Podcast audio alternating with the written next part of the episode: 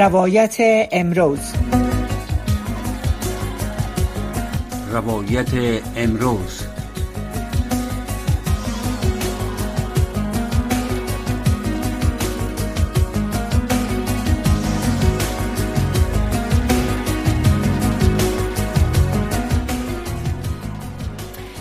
های گرامی سلام آرزو دارم صحت و سلامت باشین. بیننده و شنونده برنامه های خودتان از رادیو آشنا صدای امریکا باشین. امروز هم در برنامه امروز روایت امروز در رابطه به مشکلات مهاجرین در پاکستان صحبت می‌کنیم که تقریبا هشت روز دیگه به ضرب العجل مانده که حکومت پاکستان به مهاجرین داده بود. به البته به مهاجرینی که مدرک ندارن در پاکستان که او کشور ترک کنن. البته در حالی که ضرب العجل به پایان می‌رسه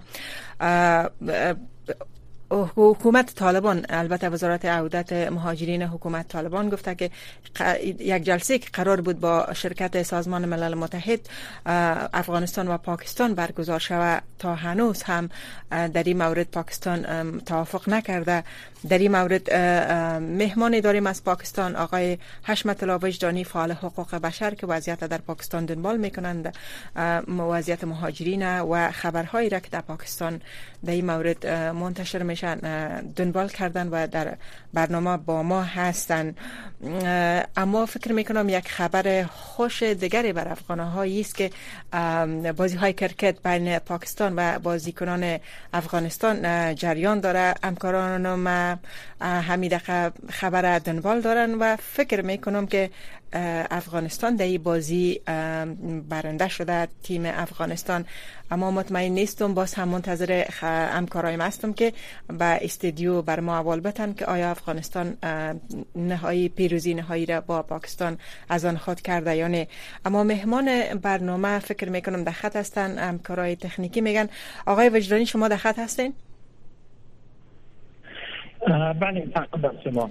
آقای فجانی تشکر از وقتتان و از ای که در برنامه حضور دارین. البته طوری که من عنوان کردم در رابطه به مشکلات مهاجرین و ضرب العجلی که انقریب یک هفته مانده به پایان از او که وضعیت مهاجرین چگونه است.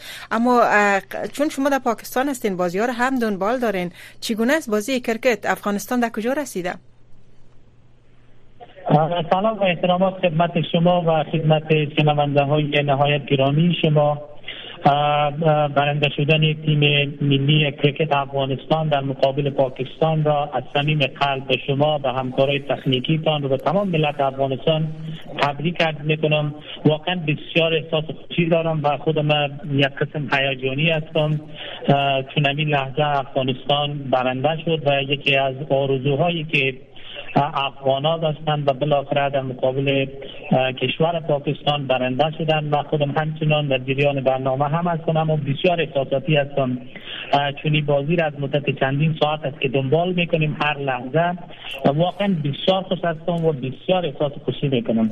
بسیار به شما هم مبارک باشه من در استودیو بودم. نتونستم که امو لحظات یا دقایق نهایی را ببینم که بتانم با اعتماد بگویم که افغانستان برنده شد. تشکر از شما می‌کنم که این بر ما هم در داخل استودیو خبر دادین. بر شما هم مبارک و تیم کرکت افغانستان هم مبارک. که پیروزی را به دست آوردن و باعث خوشی افغان ها چی در داخل افغانستان و چی در خارج شدن آرزومندیم که چنین خوشی های را شما و همه افغان ها بیشتر تجربه کنند. چون فکر می‌کنم مدت هاست که خبرهای بسیار ناگوار و اندوه, اندوهگین کننده همیشه منتشر میشه و خوش هستم که خوش هستین و مردم هم هیجانی هستن. حال که هیجانی هم هستین بعد از این خیلی میریم به پروگرام به برنامه اصلی خود برمیگردیم.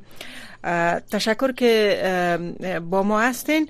خب پاکستان تقریبا تا آخر ماه اکتبر وقت داده بود و مهاجرین بدون مدرک او کشور ترک کنن خب ما تقریبا در آخر آخرین روزها یا آخرین هفته ماه اکتبر قرار داریم. وضعیت چگونه است؟ البته اجلاسی هم که قرار بود با یو و پاکستان حکومت طالبا برگزار کنند تا راه حل پیدا شود. تا هنوز هم در این مورد توافق نشده و این بحث صورت نگرفته نشستی در این مورد نشده راه حل پیدا نشده. شما چی تازه ترین خبر را دارین از پاکستان که وضعیت دنبال می‌کنین؟ گپای تازه که در این مورد شما دارین چی است؟ قبل از اینکه به سوال شما بپردازیم یک بار دیگه هم هم برده تیمی که ملی کرکت افغانستان به شما و به تمامی شنونده هایتان تبریک عرض می‌کنم. واقعا در میان این همه خبرهای بد و مشکلاتی که در افغانستان و در خارج از افغانستان افغانا داره حداقل یک خوشی را به چهره مردم افغانستان بود امروز به وجود آورد. در ارتباط به موضوع مهاجرین در پاکستان اگرچه ضرب العجلی که از جانب پاکستان تعیین شده بود و روی ضرب العجل فکر می‌کنم مدت اندک مانده. اما تا کنون در سیاست و پالیسی دولت پاکستان در قبال اخراج مهاجرین افغان در پاکستان هیچ نوع تغییری به وجود نامده و از جانب دیگه پیشنهاد نشست سه جانبه که میان پاکستان افغان طالبان و همچنان دفتر میان را ملل متحد که قرار بود این نشست برگزار شود. جانب پاکستان تا هنوز با این نشست موافقت نکرده. خب این نشان دهنده است که حکومت پاکستان با وجود که اکثریت نهادهای بین المللی نهادهای عامی حقوق بشر و کشورهای دخیل در قضایای دو تا کشور از پاکستان تقاضا کردند که بر اخراج مهاجرین تجدید نظر بکنن. اما متاسفانه هرچی ما به پایین مهلت نزدیک میشیم هیچ نوع تغییری را نمی‌بینیم. در این تصمیم پاکستان پس این نشان دهنده است که پاکستان در مقابل تصمیمی که گرفته در قبال اخراج مهاجرین جدی است و ممکن بعد از آغاز ماه اکتبر ممکن این روند با شروع ماه نوامبر ممکن این روند سرعت بخشیده شود. تا کنون چنین معیار تکمیل نشده. در اکثریت مناطق بازداشت میشه. توسط پلیس در بعض از مناطق احادی های شده میرن پول گرفته میشه از افغان حتی در در بسیاری مورد ما شواهد و مدارکی وجود دارند که یک تعداد زیاد از افغانایی که با وجود که اسناد قانونی دارند دارای کارت پی او آر ای سی سی هستند اونا نیز بازداشت میشن متاسفانه. تشکر می‌کنم. البته شما هم یادآوری کردیم که سازمان ها و نهادهای بین المللی و ما مربوط به مهاجرین و تعداد از کشورها مثل ایالات متحده همچنان خواستار ازی شدن که پاکستان توقف بده اخراج اجباری مهاجرین بدون مدرک بعد از امی اخبار بعد از امی تقاضاهای بین المللی آیا باز هم کدام نرمشی دمی دیده شده که یعنی نشان بده که پاکستان شاید تغییر وضعیت بده یا تغییر موضوع بده؟ البته ظاهرا صحبت هایی که قبلا حکومت پاکستان داشت با صحبت های فیلی یک اندازه تفاوتی به وجود آمده البته در گفتار نه در عمل. که اونا مهاجرین را کتگوری بندی کردند و اعلام کردند که ما مهاجرینی که به صورت قانونی در پاکستان زندگی می‌کنن اخراج نمی‌کنیم.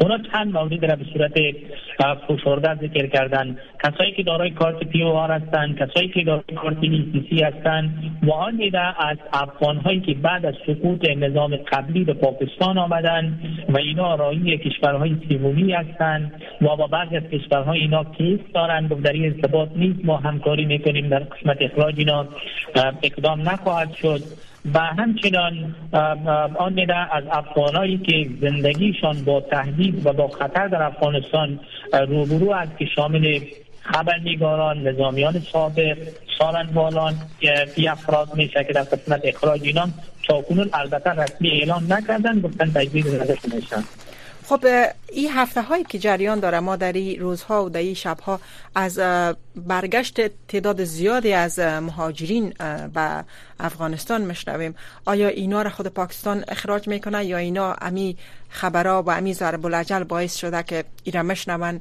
و سختگیری ها را می‌بینن باعث نگرانیشان شده. خودشان دو طلبانه پیش از اینکه اینا گرفتار شون از طریق پلیس و باز رد محض شون اینا خودشان اقدام برگشت می‌کنن شما ببینید وقتی که شما در یک کشور حق کار نداشته باشین شما آزادانه گشت و گذار نداشته باشین شما ببینید دیروز در ایالت خیبر پختونخوا یک منطقه بود به نام بازار برد یاد می‌شد که اکثریت کسایی که در اونجا کار می‌کردن افغانا بودند. پلیس تمام بازار را تخریب کردند و از بین بردن یک تعداد زیادی از افغانایی در پاکستان هستند که اینا روزانه کار می‌کنن و شبانه مصرف خانواده خود می‌کنن پولی که به دست میارن. وقتی زمینی کار نباشه وقتی که شما بازداشت کنین وقتی که شما به عنوان یک زندانی در خانه زندگی می‌کنین خب طبعا این نشان است که شما را مجبور می‌سازه تا کشور را ترک بکنین و برین به افغانستان. از جانب دیگه زمانی که یک حکم صادر میشه تا زمانی که به افراد پایین لطفه او اعلامیه صادر میشه در او قسمت افغانهای قانونی غیر قانونی حتی در بعضی موارد که اسنادی وجود داشتنی بازداشت میشه خب این خود نشان دهنده از زمانی که فضا تنگ شد شما مجبور به این که ترک بکنیم و بالاخره انتقال بکنیم موضوع مهمتری که یک تعداد زیاد از افغانهایی که بازداشت شدن شامل زنان و حتی اطفال هم میشه در ایالت سند پاکستان در کراچی و اینا در زندان هستند.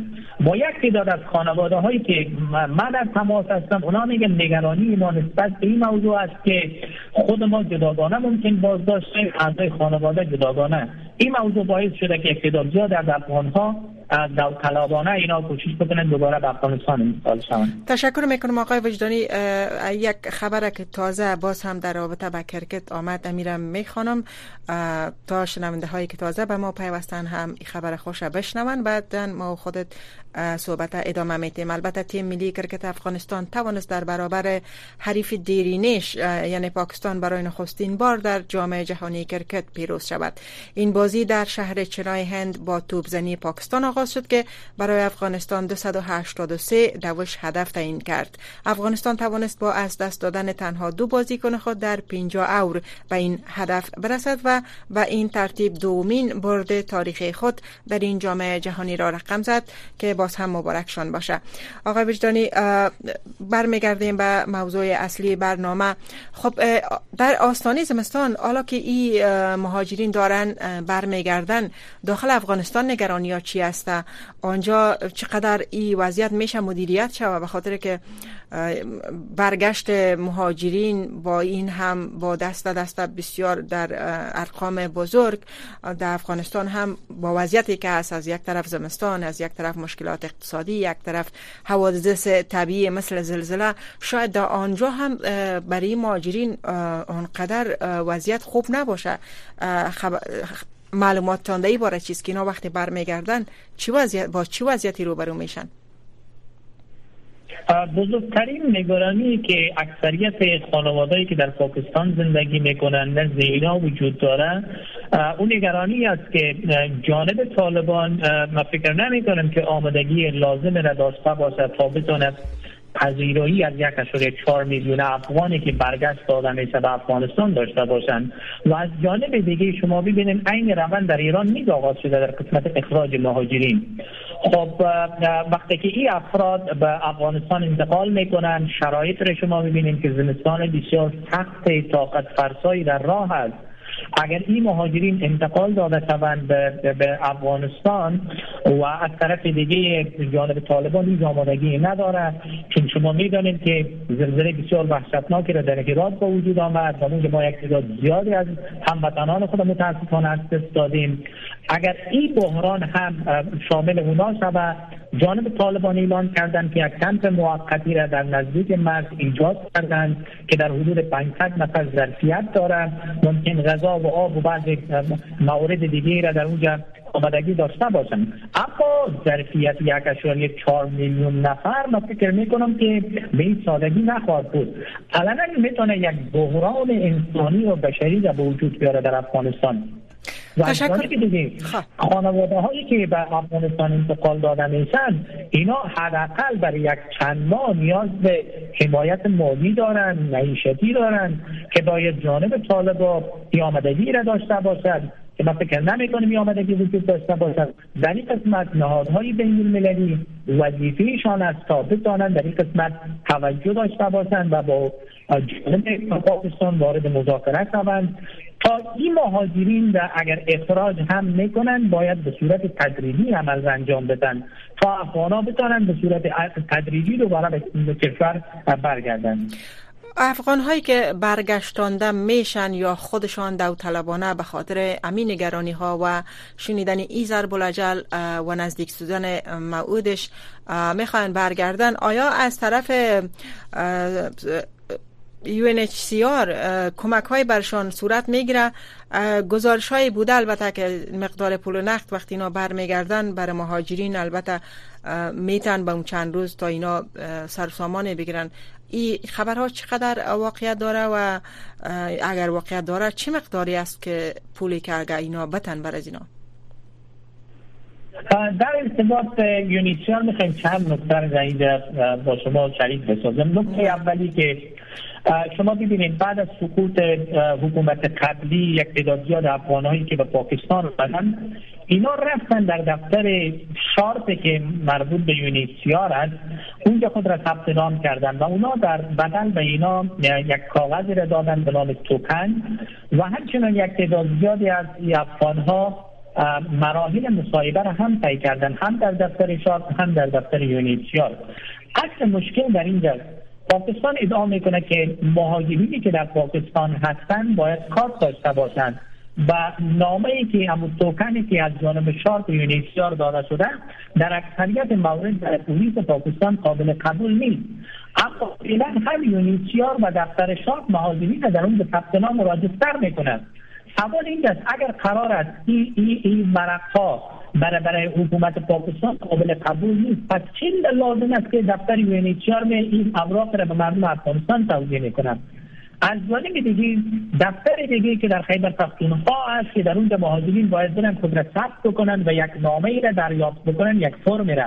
که به اساس اون فرم به فی نفر فکر کنن در حدود 300 دلار اینا می‌پردازند و یک مقدار وسایل خانه. حال ببینید اکثریت مهاجرینی که در اینجا در پاکستان هستن و ما با اونا در تماس هستن میگه زمانی که بی دفترها ما تماس می‌گیریم اینا با ما میگن که چه روز باز بین شما. ببینید در العجله که تعیین شده پنج روز مانده باید چل روز با اگر شما مراجعه می‌کنیم سرنوشت افغان ها چه خواهد شد؟ یعنی برامو یعنی کمی واضح تر شوه. برامو پولی هم که فی نفر حدود 300 دلار میتن ایرا میگن بعد از چل روز بیاین منظورتان همیست و این برای دریافت ای پول تا جایی که من در گیریان هستم شما باید ثبت نام بکنیم در دفتر اینا. بعد شما میرین اونا برای شما یک ورق میدن. ورق گرفته زمانی که شما به طرف افغانستان میرین در اونجا به اونا نشان میتن و مقدار پول به شما می‌پردازن اما افغان هایی که اساس ندارن سرنویسشان چه خواهد شد؟ این موضوع دیگه است. بله بله. بدان من فکر می‌کنم چالش بسیار بزرگی است که از طرف دفتر ملل متحد در پاکستان که می‌تونه مشکلات بسیار جدی را در این قسمت به وجود بیارن.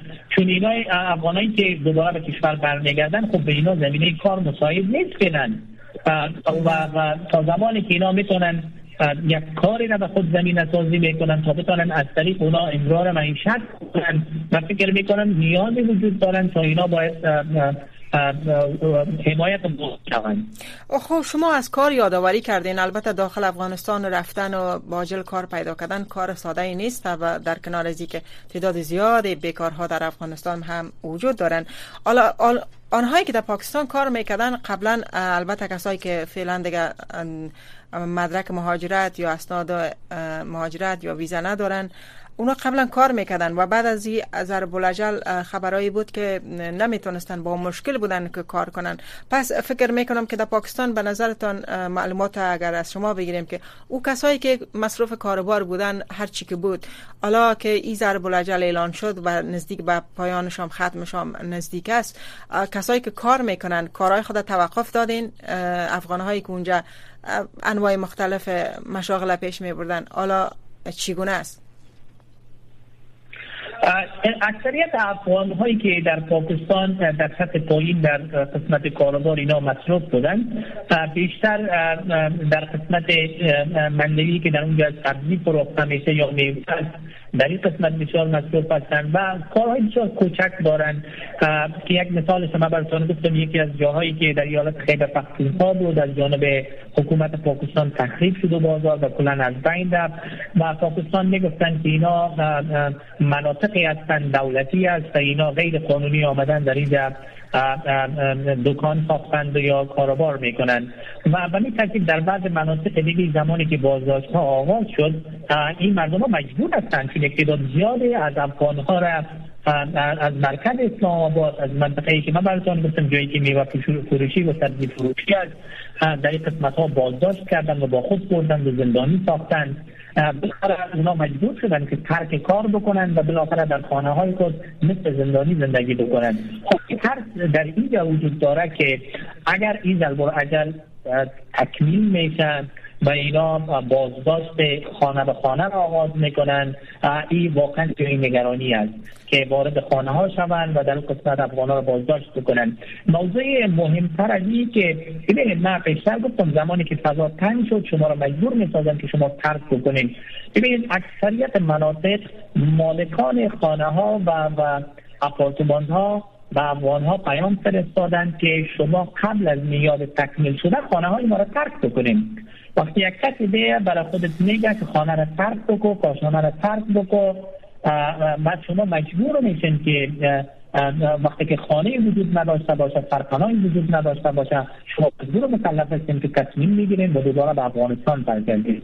خب اینا راههایی است که می‌تونه به بسیار سادگی مردم را مجبور بسازن تا خواست که این کشور ترک بکنیم و چیز دیگه از خانه ها یاد کردین مشکل خانه ها را هم واقعا بسیار مسئله مهم است. وقتی که صاحب خانه شما رو جواب بده دیگه اجرای ندارین مجبور در سرک باشین. یک تعداد کمپ هایی بود در پاکستان که مهاجرین در اوجا زندگی می‌کردن. سرنوشت از اینا چگونه با اینا چگونه برخورد میشه؟ کمپ ها دستور داده کسایی که به عنوان پناهنده یا مهاجر در پاکستان هستند به اینا دستور دادن که مهاجرین غیر قانونی که با شما در خط هست باید هر چیزی پر اخراج کنید مورد دوم یکی از کمپ هایی که از سالهای متمادی در در اسلام پاکستان بود در قسمت یک قسمت از نام مرغله تاون یاد می‌کنند چند پیش دولت در اونجا عملیات کرد و یک مقدار زیاد از خانه ها را در اونجا تخریب کرد. که و اونا گفتن که در این قسمت شهرک ساخته میشن. و که ببینید صحبت های اینا قانونی است دیگه میگه ما اینجا شهرک می‌سازیم بلان این زمین دولتی هست شما باید ترک بکنیم ببینید اینا راههایی است که میشه همچون گزینه هایی را در نظر گرفتن ممکنه را از بین بذارن زمانی که کمپ ها از بین رفت از جانب دیگه شما با عنوان کسی که افغان هستن و کرانشین هستن خب این خود زمینه را مساعد می‌سازه که شما آماده بالاخره ترک کشور بکنید. آیا بر افغانستان بر افغانا امکان از است که درخواست بتن بر ویزا تا بتانن قانونی وجه زندگی کنن؟ کسانی که حالا هیچ مدرکی نداره. اگر راه وجود داره برشان که حداقل بتانن ویزای بگیرن یا جای هست که خود ثبت نام کنن تا می ختم ضرب العجب؟ در ارتباط این که بتانن اینا ویزا بگیرن شرایط ویزا بسیار مشکل است و از طرف دیگه اکثریت افغان هایی که در پاکستان زندگی می‌کنن فاقد اصول قانونی مثل پاسپورت و تذکره برقی هستند و ظرفیت سفارتی که در اختیار طالبان قرار دارد در پاکستان این ظرفیت وجود ندارند تا بتانند به تمام افراد اینا پاسپورت صادر بکنند و اینا برند ویزا اقدام بکنند و از جانب دیگه در قسمت ویزا هم بعضی قوانین وجود دارد. شما از یک پاکستانی باید دعوتنامه داشته باشین تا او دعوتنامه پذیرفته شود و بعدا پاکستان بتونه در شما ویزا صادر بکنه یا خیر بعد تصمیم را اونا می‌گیرن و در کناری موضوع مهمتری که یک تعداد زیاد از افغان هایی که در پاکستان آمدن و اینا به خاطر تمدید ویزا اقدام کردن. اکثریت اینا از مدت ها بدین سو منتظری هستند که ویزاهایشان تمدید شود. اما متاسفانه اینا فقط در انتظار به سر می‌برند و تمدید ویزه وجود نداره. اما در بازار سیاه باز این زمینه وجود دارد اگر پول پرداخت شود باز می‌تونه که ویزا ها تمدید شود. بسیار با پول و گذافت ممنونتان. چهار دقیقه کمتر از چهار دقیقه یا سه دقیقه به آخر برنامه مانده. شاید یکی دو سوال کوتاه کنم. یک سوال کمی می‌کنم. گزارش های وجود داره که در مرز با ایران بسیار بیروار است و افغان های متقاضی می‌خواین وارد ایران شوند. از پاکستان هم ایتو مواردی است که مهاجرین بدون مدرک تصمیم گرفته باشند که برن به طرف ایران. در پاکستان نیز اکثریت مهاجرینی که میگه اگر زمینه مساعد شود و شرایط باشه احتمال بسیار زیاد دارن که برن به طرف ایران. بدون شک زمانی که در اینجا زمینه زندگی مساعد نباشه در افغانستان نباشه پس شما مجبور هستیم که یک راه سوم را در نظر می‌گیریم الان یک تعداد زیاد بدون شک در صددی هستن که کوشش می‌کنن از یک راه وارد ایران شوند.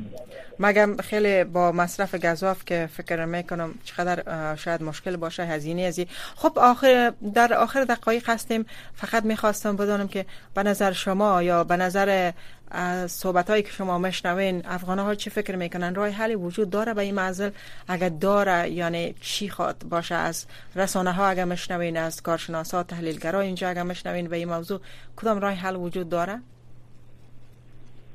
راه حل در پاکستان یک تعداد زیاد از تحلیلگرایشان به این نظر هستند که نباید روند مهاجرین اجباری باشه باید دولت یک میکانیزم بسازه به اساس میکانیزم باید ای افراد به صورت تدریجی خارج شوند. و مورد دیگه که اکثریت رسانه اینا تحلیلگرایشان پیشنهاد می‌کنن میگن باید این مهاجرین راجستر شود در اینجا. تمام اسرار مدارک شواهد اونا در اینجا گرفته شود تا در صورتی که اگر در کدام مورد افغان ها یا مهاجرین دخیل باشند بازداشت شوند و تمامی ثوابت اینا وجود داشته باشند من فکر می‌کنم راه حلی که وجود داره از جامعه جهانی و نهادهای دخیل در قضایای مهاجرت بالای پاکستان باید فشار وارد بکنند و با پاکستان وارد مذاکرات شوند. تا یک راه حل منطقی دائمی را به وجود بیارن. چون هیچ پالیسی و مکانیزمی در این مدت جانب افغانستان هم نداره در قبال مهاجرین افغانی که در پاکستان وجود داره. و همچنین پاکستان هم یک مکانیزم یک پالیسی یک سیاست مشخصی در ارتباط با مهاجرین نداره. من فکر می‌کنم وارد مذاکرات شوند با اینا و این مهاجرین را به صورت تدریجی زمینه را مساعد بسازند. حداقل زمستانی که ما در پیشرو داریم با اینا در این زمستان همکاری بکنن و بعد از سپری شدن زمستان به صورت تدریجی انتقال مهاجرین اگر به افغانستان صورت بگیره من فکر می‌کنم بهتر است فقط راه حل می‌تونه باشه اما پاکستان تا کنون در مقابل تمامی یعنی اعلامیه ها در تمامی واکنش های بین المللی هیچ نوع واکنش مثبت و یا که بتوند تغییر بیاره در عملکرد و سیاست پاکستان در قبال تصمیم اخیری که گرفته وجود نداره متاسفانه ممنونتان آقای وجدانی امی خبر تازه را باز هم یک بار دیگه می‌خوانم. برای شنونده هایی که تازه با ما پیوستن البته تیم ملی کرکت افغانستان توانست در برابر پاکستان برای نخستین بار در جام جهانی کرکت پیروز شود. این بازی در شهر چنای هند با توپزنی پاکستان آغاز شد که برای افغانستان 283 دوش تعیین شد. افغانستان توانست با از دست دادن تنها دو بازیکن خود در 50 اورو به این هدف برسد و به این ترتیب دومین برد تاریخی خود در این جام جهانی را رقم زد. و همچنان شنونده های گرامی نظریاتی که در برنامه های زنده یا مصاحبه های رادیو آشنا صدای امریکا نشر میشه نظریات تحلیلگران و کارشناسان است. صدای امریکا کدام موقفی در رابطه به تحلیل ها و نظریات نداره آقای حشمت لاوجدانی از شما یک دنیا سپاس که با ما بودین و معلوماتتان شریک ساختین با ما. وقت خوش بر خودت می‌خوایم. تشکر از حضورت و بیننده های گرامی برنامه روایت امروز. و میزبانی من فوزی احسان. امینجا به پایان می‌رسد. اما برنامه بعدی ما برنامه صدای شماست که یک ساعت میزبان شما خواهیم بود و منتظر می باشیم که زنگ بزنین و در برنامه شرکت کنین. از طریق شرکت اشتراک به اشتراک گذاری نظریات و پیشنهادات و تبصره ها و سوالایتان.